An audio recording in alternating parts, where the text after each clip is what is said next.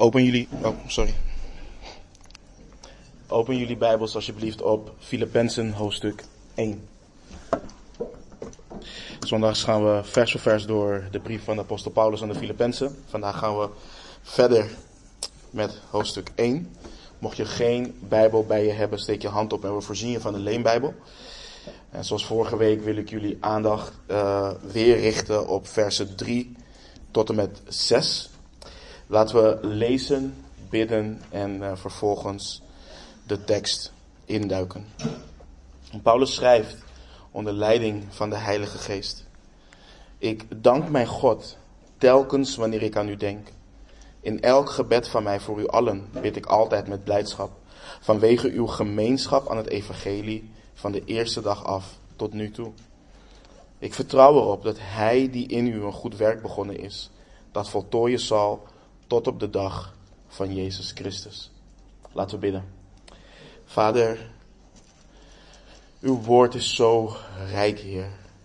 En het is alleen omdat u zo oneindig groot bent dat wij meerdere weken bij dezelfde tekst kunnen stilstaan, Heer. Want u hebt zoveel te zeggen. En ik bid, Heer, dat het vandaag tot een zegen voor ons zal zijn. En dat het u zal verheerlijken. Heer, dat u tot ons zal spreken door uw woord heen, door uw levende woord. En uh, met ons zal doen wat u behaagt, Heer. We houden van u en we bidden in Jezus' naam. Amen. Vorige week hebben we deze versen behandeld en stonden we stil bij hoe intens dankbaar de apostel Paulus was voor zijn broeders en zusters in Filippi. En iedere keer dat Paulus aan hen dacht, dankte hij God. Hij dankte God voor zijn genade bewezen aan de Filippenzen.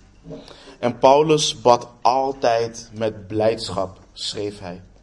En het woord blijdschap schetst het idee van iemand die intens blij is, um, vreugdevol is door Gods zichtbare en werkbare genade.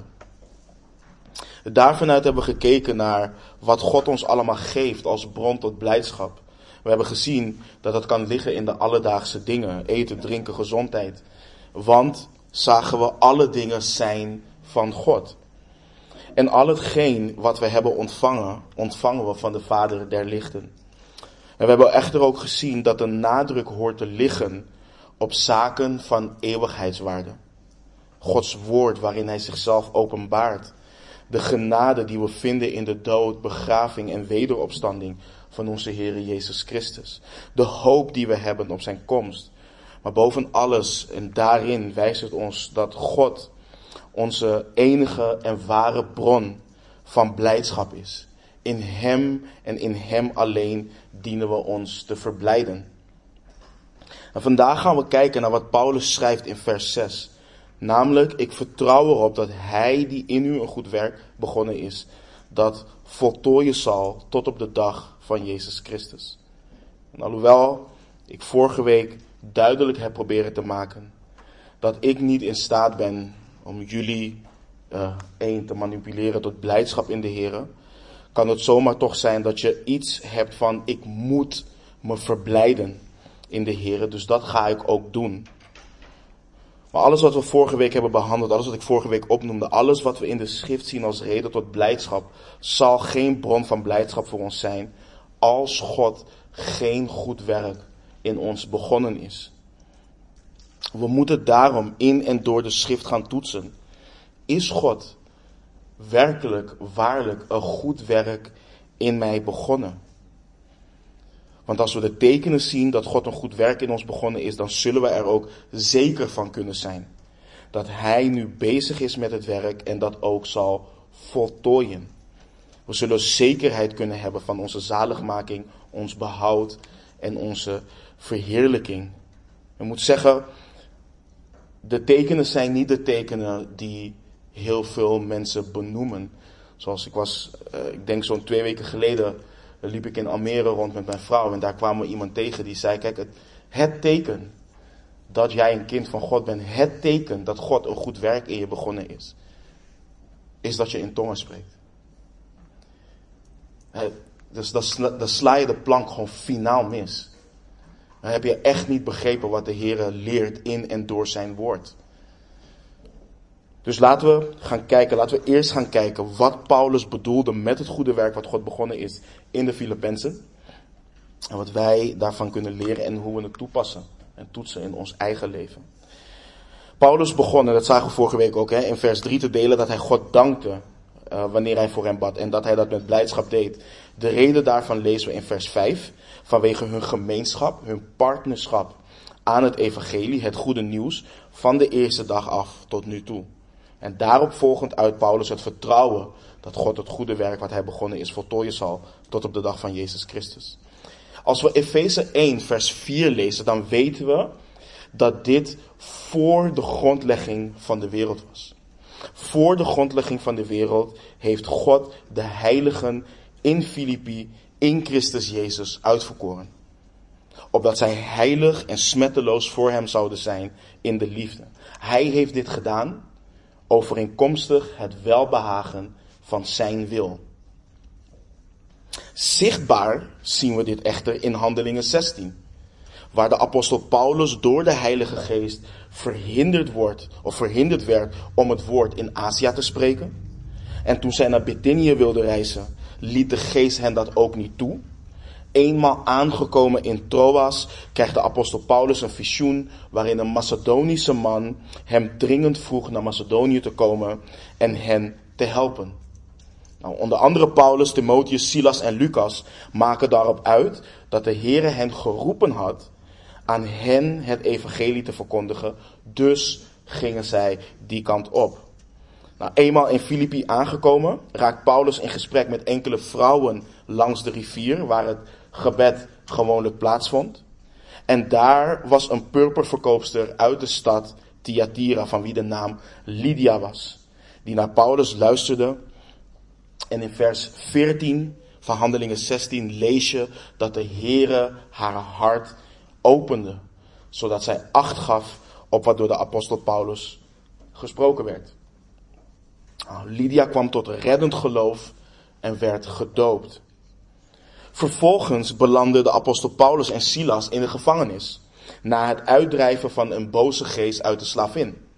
En wanneer je denkt dat er geen hoop is, dan vindt er een aardbeving plaats en valt de cipier die hun voeten in het blok heeft vastgezet, voor hun neer, voor hun voeten neer. En hij zegt, heren, wat moet ik doen om zalig te worden? En zij zeiden, geloof in de Heer Jezus Christus en u zult zalig worden, u en uw huisgenoot. Het is allemaal het werk van de soevereine God. Het is allemaal in zijn voorziening is dit gebeurd. Dit is het goede werk wat de Heere God in hem begonnen is. En ondanks dat Paulus daar zo kort was, is er een gemeente ontstaan in Filippi. De Heere, en, en, en de Heere redt mensen echter niet om ze te laten hoe ze zijn. Het is niet dat hij mensen grijpt uit duisternis, hun al hun zonden vergeeft en dan aan hun lot overlaat totdat ze het hier afleggen. Nee, in Romeinen 8, 29. Ay, volgens mij doet hij het niet. Romeinen 8, 29, ga alsjeblieft in je Bijbel daar naartoe. Lezen we um, dat de apostel Paulus schrijft, want hen die hij van tevoren gekend heeft, heeft hij er ook van tevoren toe bestemd om aan het beeld van zijn zoon gelijkvormig te zijn, opdat hij de eerstgeborene zou zijn onder vele broeders. Romeinen 8, vers 29. God heeft de Filippenzen geheiligd. In de zin dat hij hen heeft apart gezet. Dat is de positie van iedere discipel. Geheiligd. Gods woord leert echter ook nog dat God een geheiligde blijft heiligen. En dat is waar Paulus naar refereert aan de Filippenzen. Gods werk is nog niet af in jullie. Hij is een goed werk begonnen, maar hij zal dat werk ook voltooien. Daarom schrijft de apostel Paulus ook in Filippenzen 3 vanaf vers 12 tot en met 15. Niet dat ik het al verkregen heb of al volmaakt ben, maar ik jaag erna om het ook te grijpen. Daartoe ben ik ook door Christus Jezus gegrepen. Broeders, ik zelf denk niet dat ik het gegrepen heb. Maar één ding doe ik. vergetend wat achter is, mij uitstrekkend naar wat voor is, jaag ik naar het doel, de prijs van de roeping van God, die van boven is, in Christus Jezus. Laten wij dan, voor zover wij geestelijk volwassen zijn, deze gezindheid hebben. En als u iets anders gezind bent, ook dat zal God u openbaren.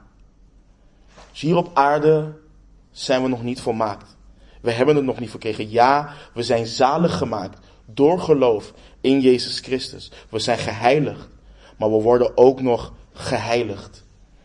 De vader zal als de wijngaardenier de ranken die in de ware wijnstok zijn reinigen, opdat ze meer vrucht dragen. Ze zullen niet volmaakt zijn hier op aarde, maar op de dag van Jezus Christus zal het werk van de Here voltooid zijn. Dan zullen we hem gelijk zijn zoals Johannes in 1 Johannes 3 schrijft. Maar Paulus schrijft dat hij vertrouwt dat God dit werk in de Filippenzen zal doen. In het Grieks impliceert dit dat Paulus hiervan overtuigd is.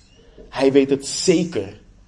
En dit maakt duidelijk aan ons dat het te zien is wanneer God een goed werk begonnen is. En voordat we gaan kijken naar deze tekenen, is het goed om het volgende over dit werk te beseffen. Zoals de apostel Paulus schrijft. God begint dit goede werk. Het ligt volledig in zijn handen. We zagen het in Handelingen 16, dat de Heere het initiatief neemt. Dit is volledig in lijn met wat de Heere Jezus zelf zegt in Johannes 6, vers 44. Niemand kan tot mij komen, tenzij de Vader die mij gezonden heeft hem trekt. En ik zal hem doen opstaan op de laatste dag. En in vers 65 van hetzelfde hoofdstuk, Johannes 6, vers 65. Daarom heb ik u gezegd dat niemand tot mij komen kan, tenzij het hem door mijn Vader gegeven is. Kijk, waarom ik dit benadruk is dat er sommigen zijn die onderwijzen dat het goede werk een samenwerking is tussen Gods wil en onze vrije wil.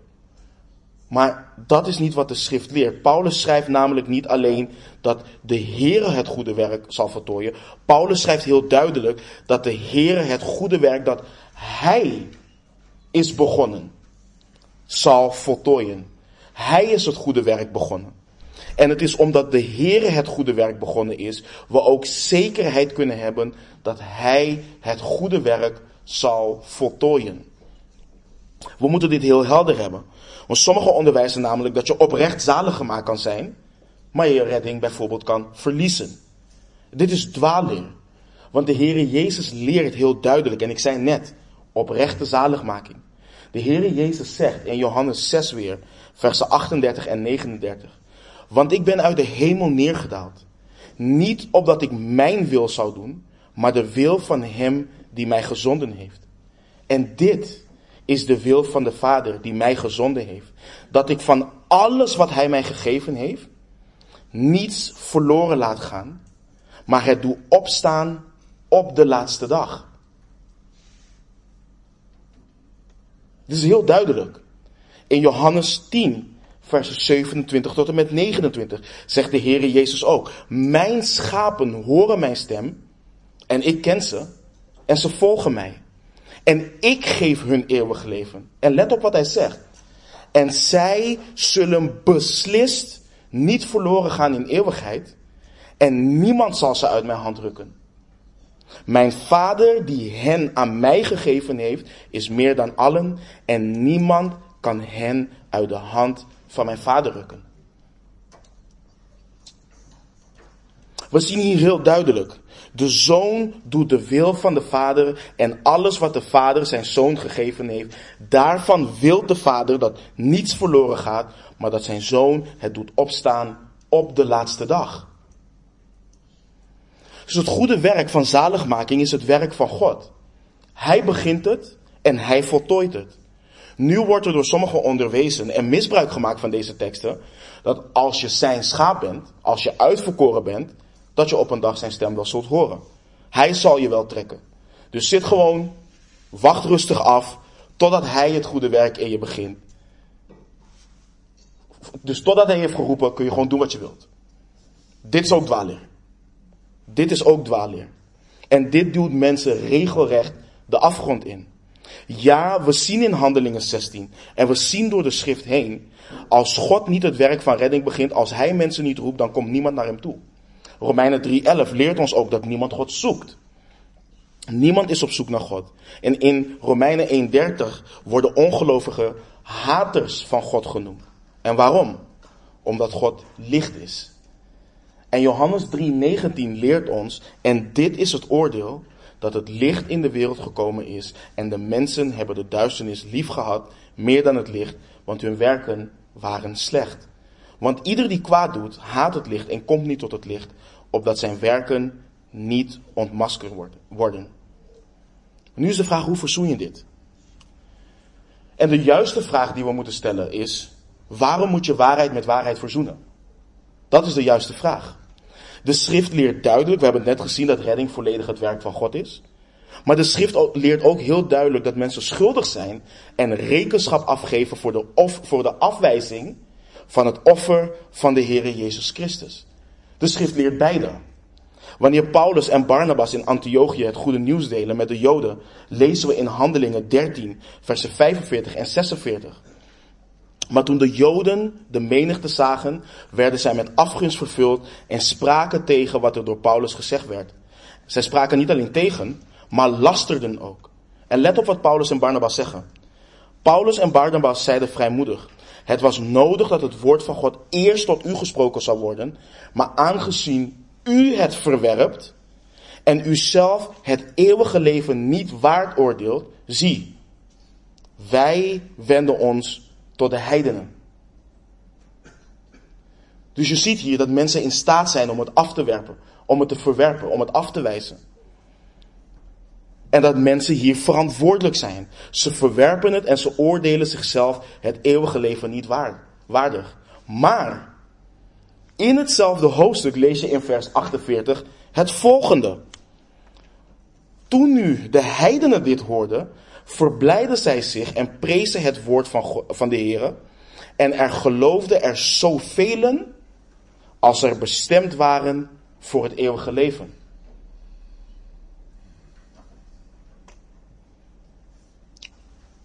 Moet je waarheid met waarheid verzoenen? Dit is wat de schrift leert. De schrift leert dit heel duidelijk. Het is het werk van God. Wij kunnen daar niet in roemen. Maar je ziet wel de mens is verantwoordelijk voor het verwerpen hiervan. Maakt dat God oneerlijk? Volstrekt niet. Volstrekt niet. De schrift is heel duidelijk. Maar waar dit allemaal fout is gegaan, is wanneer men zaligmaking in eigen handen is gaan nemen. Daar is het fout gegaan. Wanneer men met muziek, menselijke filosofie en beredeneringen, met manipulatie, anderen het koninkrijk van God binnen willen helpen en wensen. Oh, bid dit gebed en vraag Jezus in je hart. Oh, kom naar voren, naar het altaar om Jezus te ontvangen in je hart. En dan is men verbaasd. Want hoe kan het dat ze al die dingen deden voor de Heer en nu toch op deze wijze leven? Nee, ze moeten echt geloof hebben gehad. Want ze deden X, Y, Z. En ze zeiden X, Y, Z. En men gaat compleet voorbij aan het onderwijs van de Heer in Matthäus 13. Men vergeet dat dat er gewoon staat. Men kan zich erin vinden dat er sommigen zijn waarbij het zaad langs de weg valt en de Satan het wegrooft. Want daar heeft nooit zichtbaar wat plaatsgevonden. Dus dan denkt men, oké nee, die mensen waren nooit gered. Nee, dat klopt. Maar het wordt al moeilijk wanneer men moet gaan zien dat er echt mensen zijn in, in hun omgeving die in de categorie zijn van waar het zaad valt op steenachtige grond. Of hen waarbij het zaad valt tussen de dorens. Nee, ik ga dan bepalen. Nee, zij waren christenen. Zij waren echt tot zaligmaking gekomen. En omdat ik niet kan verzoenen dat de Heer Jezus dit heeft gezegd, wil ik niet accepteren.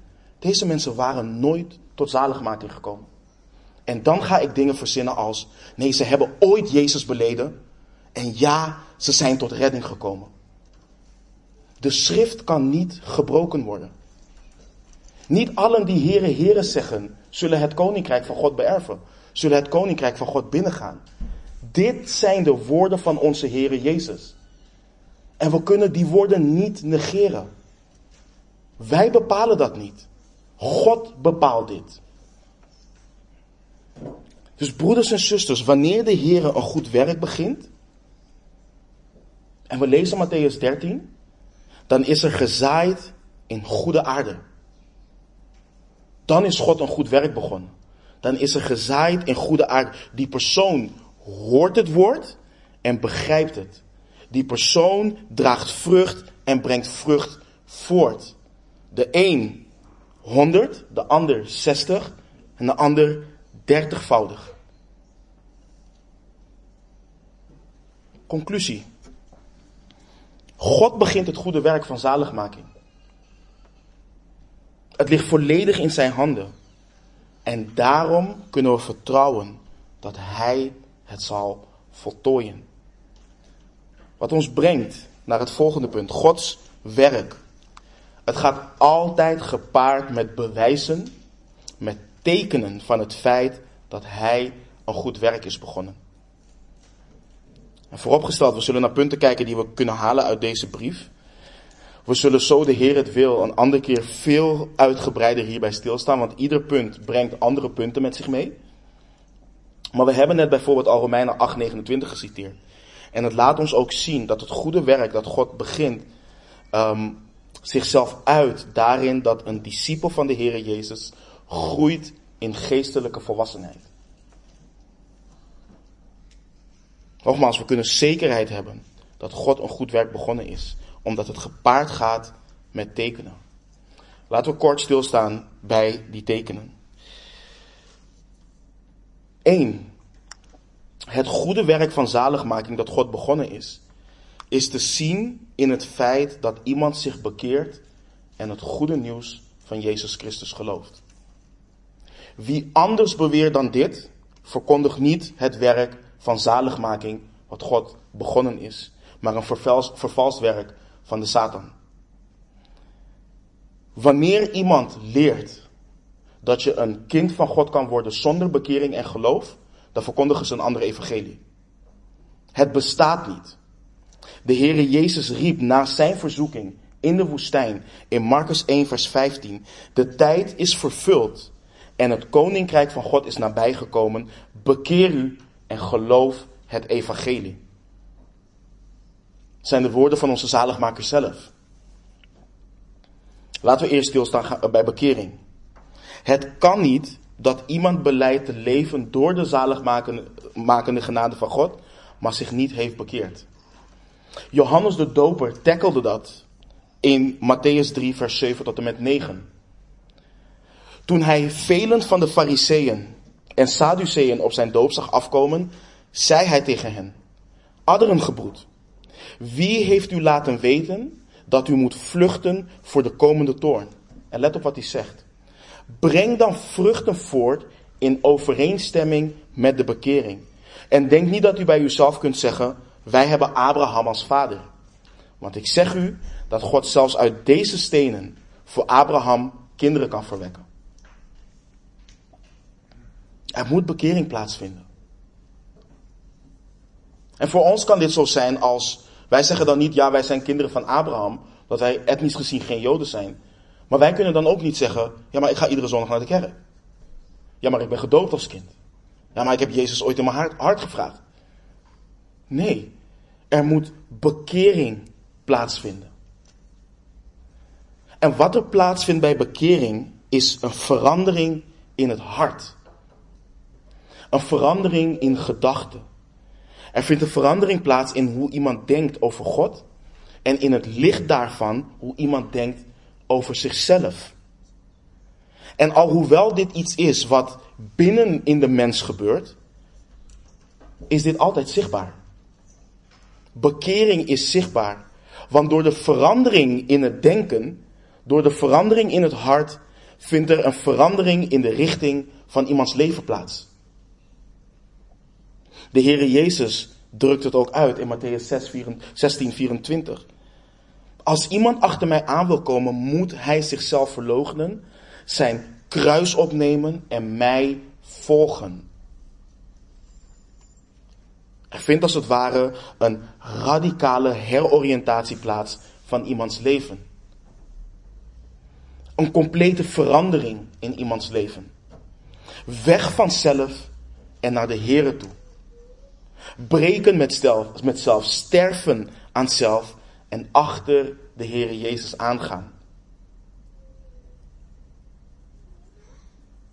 Kijk, initieel bij je, bij, bij je wedergeboorte vindt dit plaats, maar bekering, en dat is ook een belangrijk ding, bekering is niet iets wat alleen maar eenmalig plaatsvindt aan het begin. Een discipel van de Heere Jezus leeft een leven van bekering. Want een discipel van de Heere Jezus is niet zonderloos. Hij of zij blijft worstelen met zijn eigen vlees. De wereld presenteert dingen die begerenswaardig zijn. Maar die begeerten moeten we kruisigen. Maar wanneer een volgeling van Jezus valt in zonde, dan beleidt hij zijn zonde en bekeert zich en wandelt vervolgens in het licht. En die bekering die uit zich in diep berouw over de zonde tegen God. Hoe hij of zij God heeft beledigd. Hoe we hebben gerebelleerd tegen God. David laat dit prachtig zien in Psalm 51, vers 3 tot en met 6. Dan zegt hij, wees mij genadig, o God, overeenkomstig uw goede tierenheid. Delg mijn overtreding uit, overeenkomstig uw grote barmhartigheid. Was mijn schoon van mijn ongerechtigheid. Reinig mij van mijn zonde. Want ik ken mijn overtredingen. Mijn zonde staat mij voortdurend voor ogen. Tegen u, u alleen heb ik gezondigd. Ik heb gedaan wat kwaad is in uw ogen, zodat u rechtvaardig bent wanneer u recht spreekt en rein bent wanneer u oordeelt. David weet dat hij tegen God heeft gezondigd. En daarop uit hij berouw over zijn zonde jegens God. Er heeft een verandering plaatsgevonden in het denken en handelen waarbij de zonde is erkend en er wordt opgehouden met goedkeuring van zonde en de rechtvaardiging van zondig gedrag. Hetzelfde zien we ook in wat de apostel Paulus schrijft aan de Corinthiërs in 2 Korinthe 7 vers 8 tot en met 12. Daar lezen we. Want al heb ik u in de brief bedroefd, ik heb er geen berouw van. Hoewel ik er wel berouw van gehad heb, want ik zie dat die brief, ook al is het voor een korte tijd, u bedroefd heeft. Nu verblijd ik mij. Niet omdat u bedroefd bent geweest, maar omdat u bedroefd bent geweest tot bekering. Want u bent bedroefd geweest overeenkomstig de wil van God, zodat u in geen enkel opzicht door ons schade hebt geleden.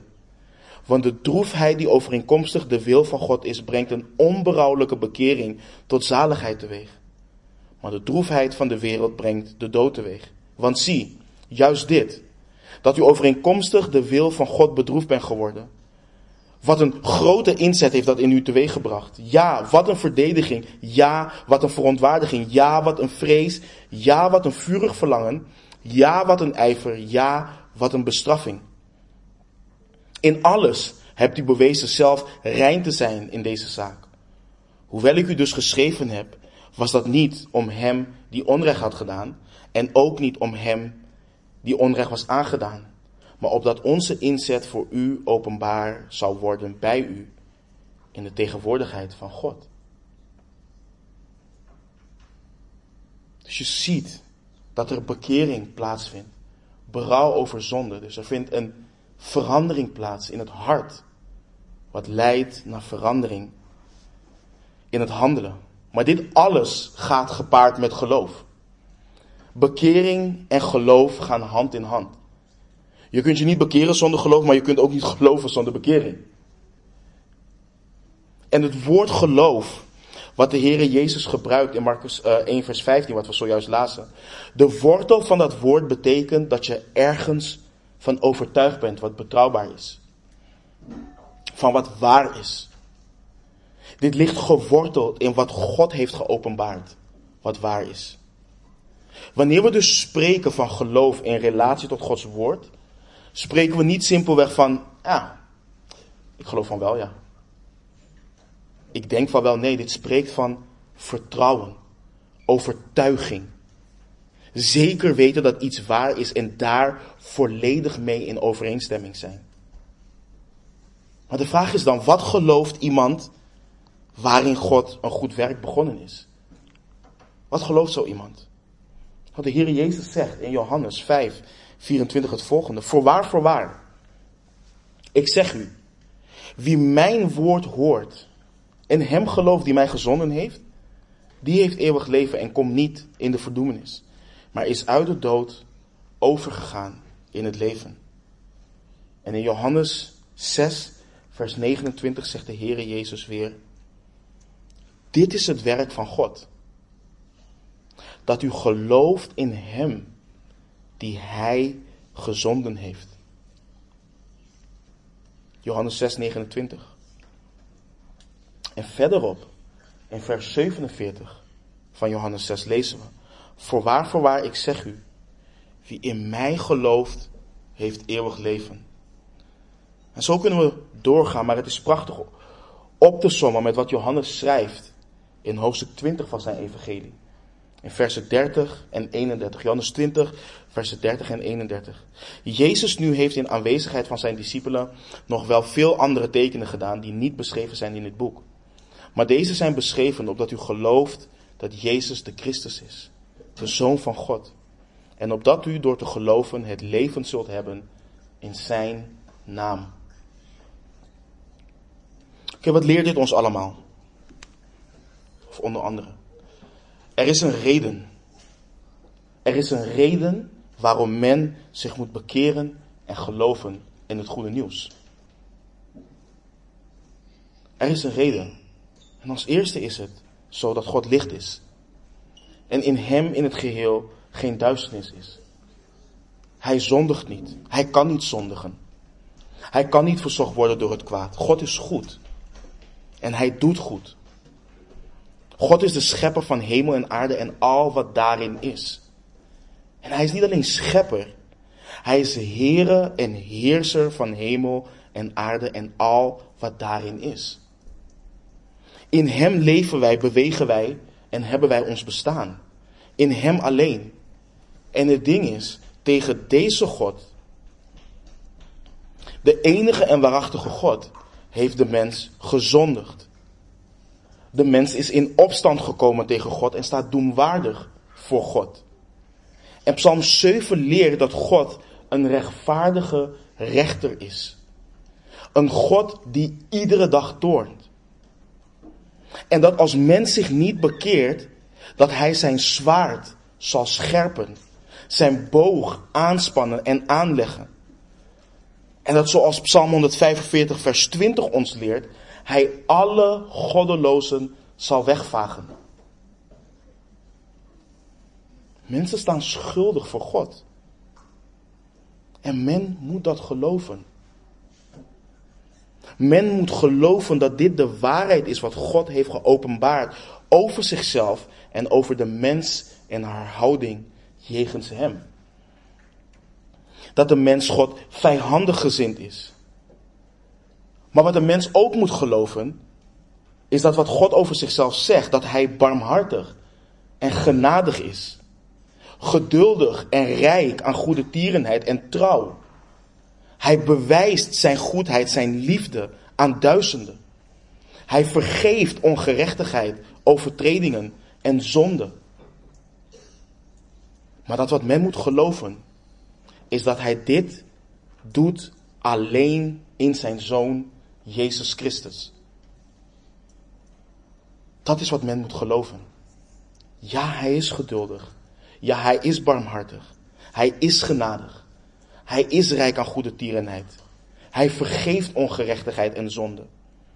Maar hij doet dat in zijn zoon Jezus Christus.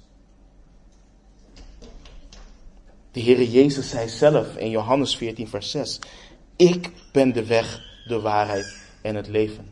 Niemand komt tot de Vader dan door mij. Niemand. Men moet geloven dat God de wereld zo lief had, dat hij zijn enige geboren zoon gegeven heeft, opdat ieder die in hem gelooft niet verloren gaat, maar eeuwig leven heeft. Dat Jezus Christus gestorven is voor onze zonden, overeenkomstig de schriften.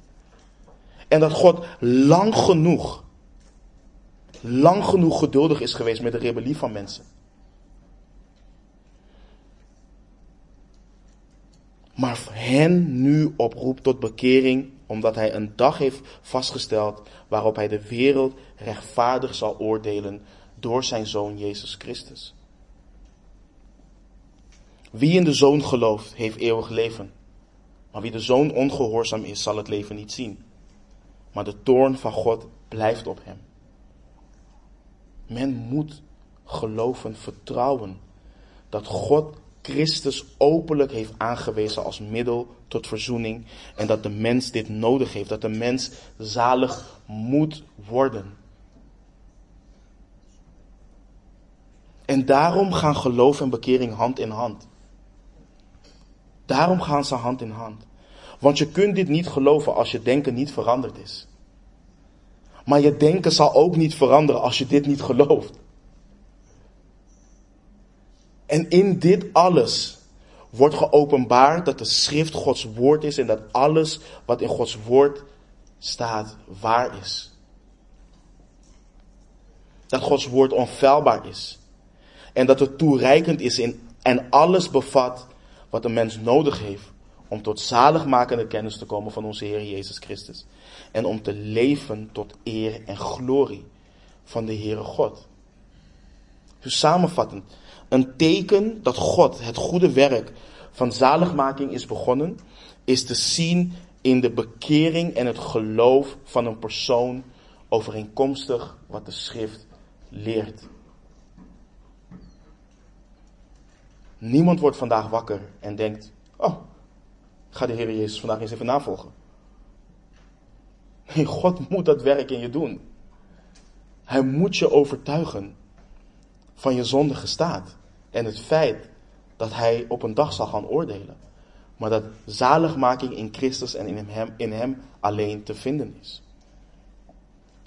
Het volgende teken vloeit voort uit bekering en geloof. En dat is dat een persoon leeft in gemeenschap met God.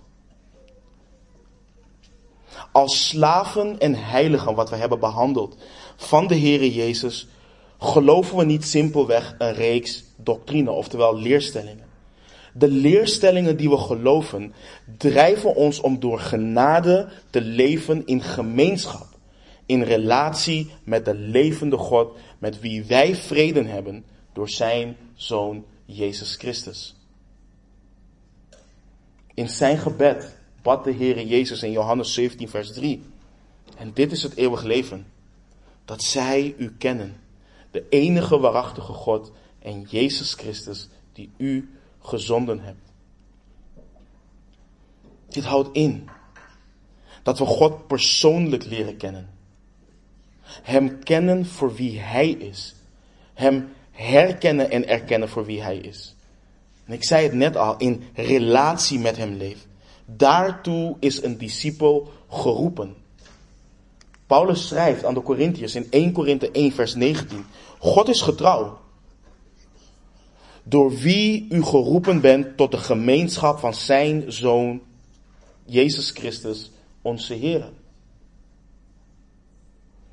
We zijn geroepen tot gemeenschap van zijn Zoon, Jezus Christus, onze Heer. God is niet een onpersoonlijke entiteit die, op, die ons op afstand heeft gered, zodat we ons beste leven kunnen leiden en Hem af en toe raadplegen en beleiden wanneer het ons uitkomt of wanneer we Hem nodig achten te hebben. Dat is niet de levende God van de schrift. Nee, als God een goed werk begonnen is in iemand, is die persoon tot een actieve en levende relatie met God getreden. En ik zeg bewust een levende relatie. Dit houdt in dat we welwillend en vreugdevol tijd met Hem doorbrengen. En we doen dit om Hem beter te leren kennen en steeds meer te groeien in onze relatie met Hem. En dat is ook het verlangen van een persoon waarin God een goed werk is begonnen. Die persoon heeft het verlangen om te groeien in gemeenschap met God. Die wil God beter leren kennen en gevormd worden door het kennen van Hem. Het is geen opgave voor die persoon. Het is geen kwellend gebod om de welbehagelijke en volmaakte wil van God te willen weten. Het is geen ondrachtbare en belastende verplichting om tijd met Hem door te brengen. Nee. Het is een drang wat in je leeft, wat alleen verzadigd kan worden. Door met en in Hem te zijn. Want de liefde van en door God is door de Heilige Geest uitgestort in het hart van die persoon. Weet je wanneer iemand God heeft leren kennen? waarlijk heeft leren kennen, dan heeft die persoon een glimp van de diepte en rijkdom van Gods majesteit gezien. En dan wil je niets anders dan, dan daar meer van hebben. Je hebt ervaren hoe goed Hij is in jou zalig te hebben gemaakt. En je wilt nu ervaren hoe goed Hij is. Wanneer Hij jou gaat heiligen. Het kan niet anders. En daardoor geef je gehoor aan het gebod om het woord van Christus in rijke mate in je te laten wonen. Je wilt God horen spreken door zijn levende woord. Je wilt groeien in de kennis en genade van Jezus Christus. Er is een diepe interesse in de dingen aangaande God zoals geopenbaard in de schrift. En je geeft gehoor, welwillend en vreugdevol. Om te bidden zonder ophouden. Want je bent volledig afhankelijk van Hem. En je deelt je diepste verlangen en zorgen met Hem die jou door en door kent. Dus dit is een relatie. Dit is een relatie. Een persoonlijke relatie. Een levende relatie. Want we dienen een levende God. En als er geen interesse is in de dingen van God en geen bewijs van persoonlijke gemeenschap met God in en door zijn woord en gebed, dan is God, niet, is God geen goed werk begonnen in een persoon. Lieve mensen, jullie weten dat ik hier niet sta om jullie oren te kietelen. De schrift wil dat wij zekerheid hebben van onze zaligmaking. En de schrift geeft dat ook. En we moeten daar echt zeker van zijn. Een ander belangrijk teken dat God een goed werk van redding is begonnen in iemand, is te zien in ware, bijbelse en goddelijke gemeenschap met andere heiligen. Zoals we het Engelse woord gebruiken, fellowship. Paulus schreef aan de Filippenzen dat hij met blijdschap voor hen bad vanwege hun gemeenschap aan het evangelie. Paulus dacht veel aan hen en hij dacht met blijdschap aan hen en verlangde naar hen. Menselijk gezien is er niets wat dit kan produceren. Paulus was een fariseer. Ijverig voor de wet. En er was niets wat hem zou doen denken en danken met blijdschap voor wereldse heidenen. Niets. Er moest iets in hem veranderd zijn. En dat is het goede werk van zaligmaking wat God is begonnen. Het is de genade en barmhartigheid bewezen aan hem en aan zijn broeders en zusters. En je ziet hierin hoe krachtig het evangelie is. Het heeft de kracht om mensen die werelds gezien niets met elkaar hebben en niets van elkaar zouden willen weten, te verenigen in oprechte liefde met en voor elkaar. Alleen het evangelie doet dat. Alleen het evangelie doet dat. En Paulus had dit niet alleen met de Filippenzen. Aan de heiligen in Rome schreef hij, christenen waarvan hij de meeste nooit heeft gezien, in Romeinen 1, versen 10 tot en met 12, steeds weer vraag ik in mijn gebeden of mij zo mogelijk door de wil van God eens een goede gelegenheid geboden zal worden om naar u toe te komen. En let op wat hij schrijft, vers 11. Want ik verlang er vurig naar u te zien om u in enige geestelijke genadegaven te laten delen, waardoor u versterkt zal worden. Dat is te zeggen, om in uw midden samen bemoedigd te worden door het onderlinge geloof, zowel dat van u als dat van mij. Aan de Thessalonicensen schreef hij in 1 Thessalonicensen 3 vers 10. Wij bidden nacht en dag meer dan overvloedig om uw gezicht te mogen zien en om te volmaken wat aan uw geloof ontbreekt. Paulus wilde deze mensen zien. En dit, is, dit was ook op individuele schaal. Aan Timotheus schreef hij in 2 Timotheus 1 vers 4. Wanneer ik aan uw tranen denk, verlang ik er vurig naar u te zien om met blijdschap vervuld te worden. Weet je, je kunt een hoop. Je kunt een hoop faken in het leven. Je kunt een hoop faken. Op vele gebieden kun je doen alsof. Maar niet op het gebied van goddelijke liefde. Dat kun je niet faken. Dat is iets wat uitgestort moet zijn in je hart door de Heilige Geest. Dit heeft niet te maken met het feit dat je introvert, extrovert, dat heeft nergens, dat heeft daar niet mee te maken. Dit heeft niet te maken met het feit dat je sociaal of asociaal bent. Nee. Dit heeft te maken met, is God een goed werk in je begonnen?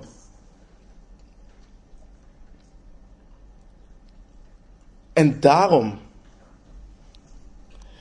daarom is het voor ons hier in de gemeente als opzieners één ding wanneer mensen al de juiste leerstellingen beleiden. Maar een ander ding om te zien hoe kijkt men naar fellowship, naar gemeenschap met hun broeders en zusters. Hoe uit dat zich? Gods woord leert ons dat een bewijs dat Gods liefde in je hart uitgestort is, is dat je liefde, agape liefde, hebt voor broeders en zusters. Dat je verlangt naar je broeders en zusters op goddelijke wijze. Johannes leert, we gaan door een aantal versen heen, onder leiding van de Heilige Geest. 1 Johannes.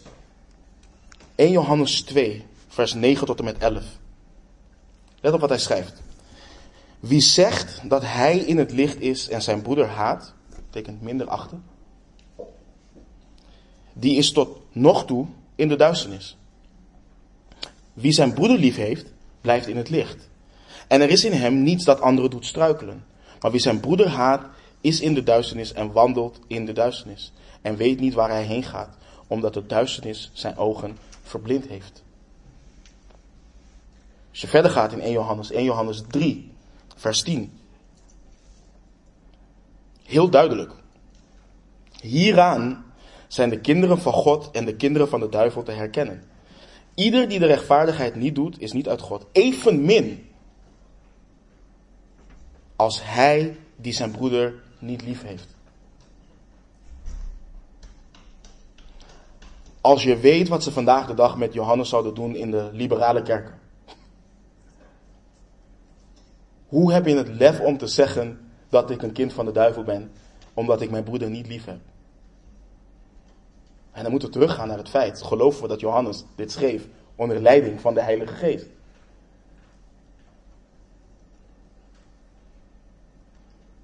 ...1 Johannes 3 vers 14. Wij weten dat wij zijn overgegaan uit de dood in het leven omdat wij de broeders lief hebben. Wie zijn broeder niet lief heeft, blijft in de dood.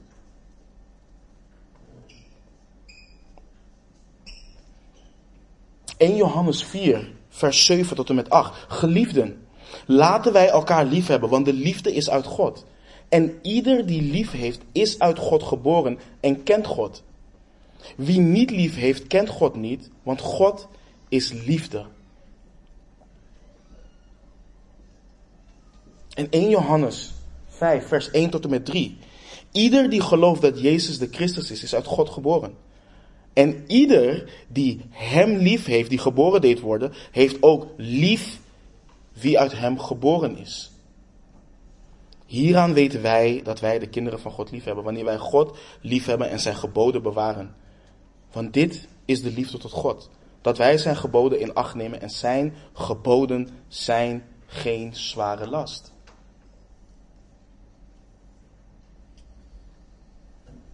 Waarom ik dit benadruk is omdat we leven in een tijd waarin we denken, weet je, ik kom zondag naar de samenkomsten, ik doe aardig tegen mijn broeders en zusters, ik verdraag ze en noem maar op. Maar daadwerkelijk, wat Johannes hier schrijft, het liefhebben wie uit hem geboren zijn, daar begin ik niet aan. Dat ga ik niet doen. Dat, dat ligt niet in mijn aard. Ik ben niet zo als persoon. Als dat zo is, dan ben je niet opnieuw geboren. Zo simpel is dat. Want als je opnieuw geboren bent, heb je een nieuwe aard. Je hebt een nieuwe aard. Je bent niet meer hetzelfde. Al het oude is voorbij gegaan. Zie, alles is nieuw geworden. Dus als iemand geen liefde heeft voor zijn broeders of zuster, als men moeite heeft met fellowship, zich daartoe gedwongen eh, voelt, het veel eisend en zwaar vindt, dan is God geen goed werk in die persoon begonnen, maar is die persoon nog steeds in duisternis. Je kunt niet niet lief hebben en geen gemeenschap hebben met hen die de Heere wel innig lief heeft en waar Hij wel gemeenschap mee heeft. In de schrift zien we het bewijs dat dit simpelweg niet bestaat.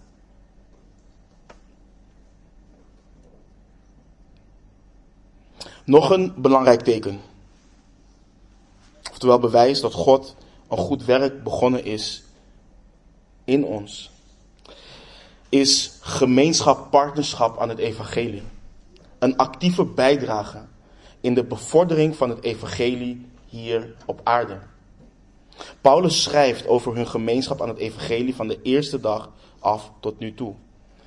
Kijk, iemand waarin God een goed werk begonnen is, leeft niet meer voor aardsplezier en aardse voldoening. Die persoon leeft nu om de levende Heere Jezus Christus te dienen, wat het hen ook kost. De missie van Christus is hun missie geworden. En dit zien we niet alleen bij de Filippenzen in het feit dat ze de apostel Paulus financieel ondersteunen. We zien het ook in Handelingen 8, wanneer de kerk vervolgd begon te worden. Er staat daar bijvoorbeeld in vers 1, en zij werden allen verspreid over de landstreken van Judea en Samaria, behalve de apostelen. Maar in vers 4 van Handelingen 8 staat er, zij dan die overal verspreid waren, trokken het land door en verkondigden het woord. En waarom Handelingen 8, 4 zo confronterend is, is omdat het de hedendaagse gedachte tackelt dat het verkondigen van het evangelie alleen weggelegd is voor sommigen. Of dat het alleen weggelegd is voor hen die langer met Christus wandelen. Nee, als je gegrepen bent door Christus, als je zijn genade hebt ervaren en als je leeft door zijn barmhartigheid, dan ben je als het ware wat de apostelen zeggen in Handelingen 4:20. Wij kunnen niet nalaten te spreken over wat wij gezien en gehoord hebben. Broeders en zusters, we hebben goed nieuws. We hebben goed nieuws. En als wij dat goede nieuws geloven en God dat werk in ons begonnen is, dan zeggen wij samen met de apostel Paulus, want ik schaam mij niet voor het evangelie. Het is de kracht tot zaligheid voor een ieder die gelooft.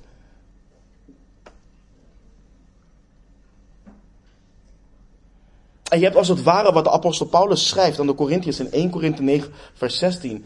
Dat de noodzaak van het verkondigen van het evangelie hem is opgelegd. En wee hem als hij het evangelie niet verkondigt. Niemand wordt gered om voor zichzelf te leven. Wanneer je gered bent, ben je onmiddellijk, wat we hebben behandeld, een doulos. Een slaaf van Christus, een diakonos, een dienaar van Christus. Welke gave je ook hebt ontvangen van God, je gebruikt het en zet het actief in als partner in het evangelie tot bevordering van het evangelie. Je bent een dienaar van Gods koninkrijk. En als laatste voor vandaag, wat we ook uit de tekst halen, is dat het teken is dat men leeft in het licht van de wederkomst van onze Heer Jezus Christus. Paulus schrijft dat in vers 6, hij verwijst naar de dag van Christus, de dag dat we hem zullen zien zoals hij is. De dag dat hij, zoals in 1 Korinthe 4 staat, ook wat in de duisternis verborgen is aan het licht zal brengen en de voornemens van het hart openbaar zal maken. De dag dat zijn discipelen zullen horen, goed gedaan, goede en trouwe dienaar, over weinig bent u trouw geweest, over veel zal ik u aanstellen. Ga in de vreugde van uw Heer. Op die dag zal al het werk wat hij begonnen is, zal God al het werk dat hij begonnen is, voltooien. Dan zullen we volmaakt zijn. Dan zullen we kunnen zeggen dat we het door zijn genade hebben gegrepen. En tot die dag blijven we onszelf reinigen en leven met de verwachting van zijn komst. En wat belangrijk is, en dit is echt belangrijk voor ons om te beseffen, zoals we zagen, begint God het werk en hij voltooit dit. Dit houdt niet in dat wij passief zijn in onze relatie met hem. Petrus schrijft bijvoorbeeld in 2 Petrus 1 dat wij ons er met alle inzet op toe moeten leggen om aan ons geloof deugd toe te voegen. Aan de deugd kennis, aan de kennis zelfbeheersing, aan de zelfbeheersing volharding, aan de volharding godsvrucht, aan de godsvrucht broederliefde en aan de broederliefde liefde voor iedereen.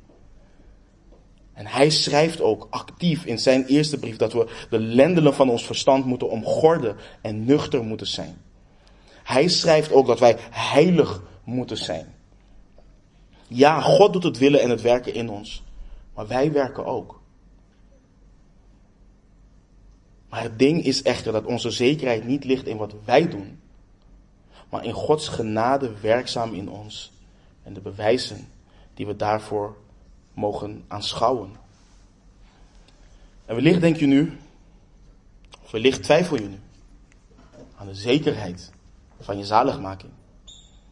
Kijk, als dit gebaseerd was op een valse vorm van zekerheid, dan was het nodig dat je zekerheid aan het wankelen werd gebracht.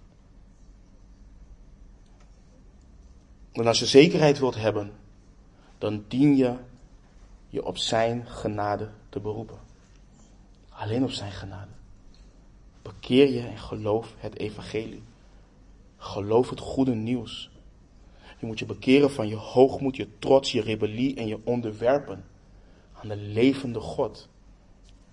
Want toen wij krachteloos waren, toen wij nog krachteloos waren, is Christus op de bestemde tijd voor goddelozen gestorven. Roep Hem aan en keer je tot Hem. Nogmaals, het bestaat niet dat iemand zegt, en dit is ook zo belangrijk voor ons om te beseffen, want je ziet dit tegenwoordig heel veel. Ja, ik wil wel. Of die persoon wil wel, maar vervolgens zie je die tekenen niet. De vruchten niet. Nee, dat, dat zien we niet terug in de schrift. Wat wij, wat wij echt moeten doen als kerk in deze eeuw, is wij moeten ons echt bekeren van de menselijke gedachte over zaligmaking en gaan naar wat zegt de schrift. Wat zegt de schrift? Want het kan niet zo zijn dat wij zeggen, als we het menselijk bekijken, en zeggen, ja, iemand is stapel. Een vrouw is stapel op een man of een man op een vrouw. Dat je ziet dat een persoon als het ware zijn of haar leven volledig omgooit voor die persoon. Maar wanneer we praten over Christus, wanneer we praten over onze relatie met de levende God, dan is het ja, weet je, ik wil wel maar moeilijk. Nee, Nee. De schrift leert dat als Christus, als God ons heeft gegrepen, God, dan kijken we niet meer terug. Nee, nee, nee, we gaan achter Hem aan. Want alles hebben we als schade beschouwd omwille van Hem. Alles. Het maakt niet uit wat er is. Hij is alles. En als ik dan kijk, als we ook zien in de schrift, wat zouden we doen als we bijvoorbeeld weten dat onder dit gebouw goud is, zilver is, diamanten zijn? Want dan gooien we dit gebouw plat en dan gaan we graven. Maar in Christus is het allemaal moeilijk. Nee, dat bestaat niet, broeder en zuster. In Christus zijn we gegrepen en gaan wij achter Hem aan. En gaat dat vlekkeloos? Nee. Maar het gaat volhardend. Het gaat volhardend.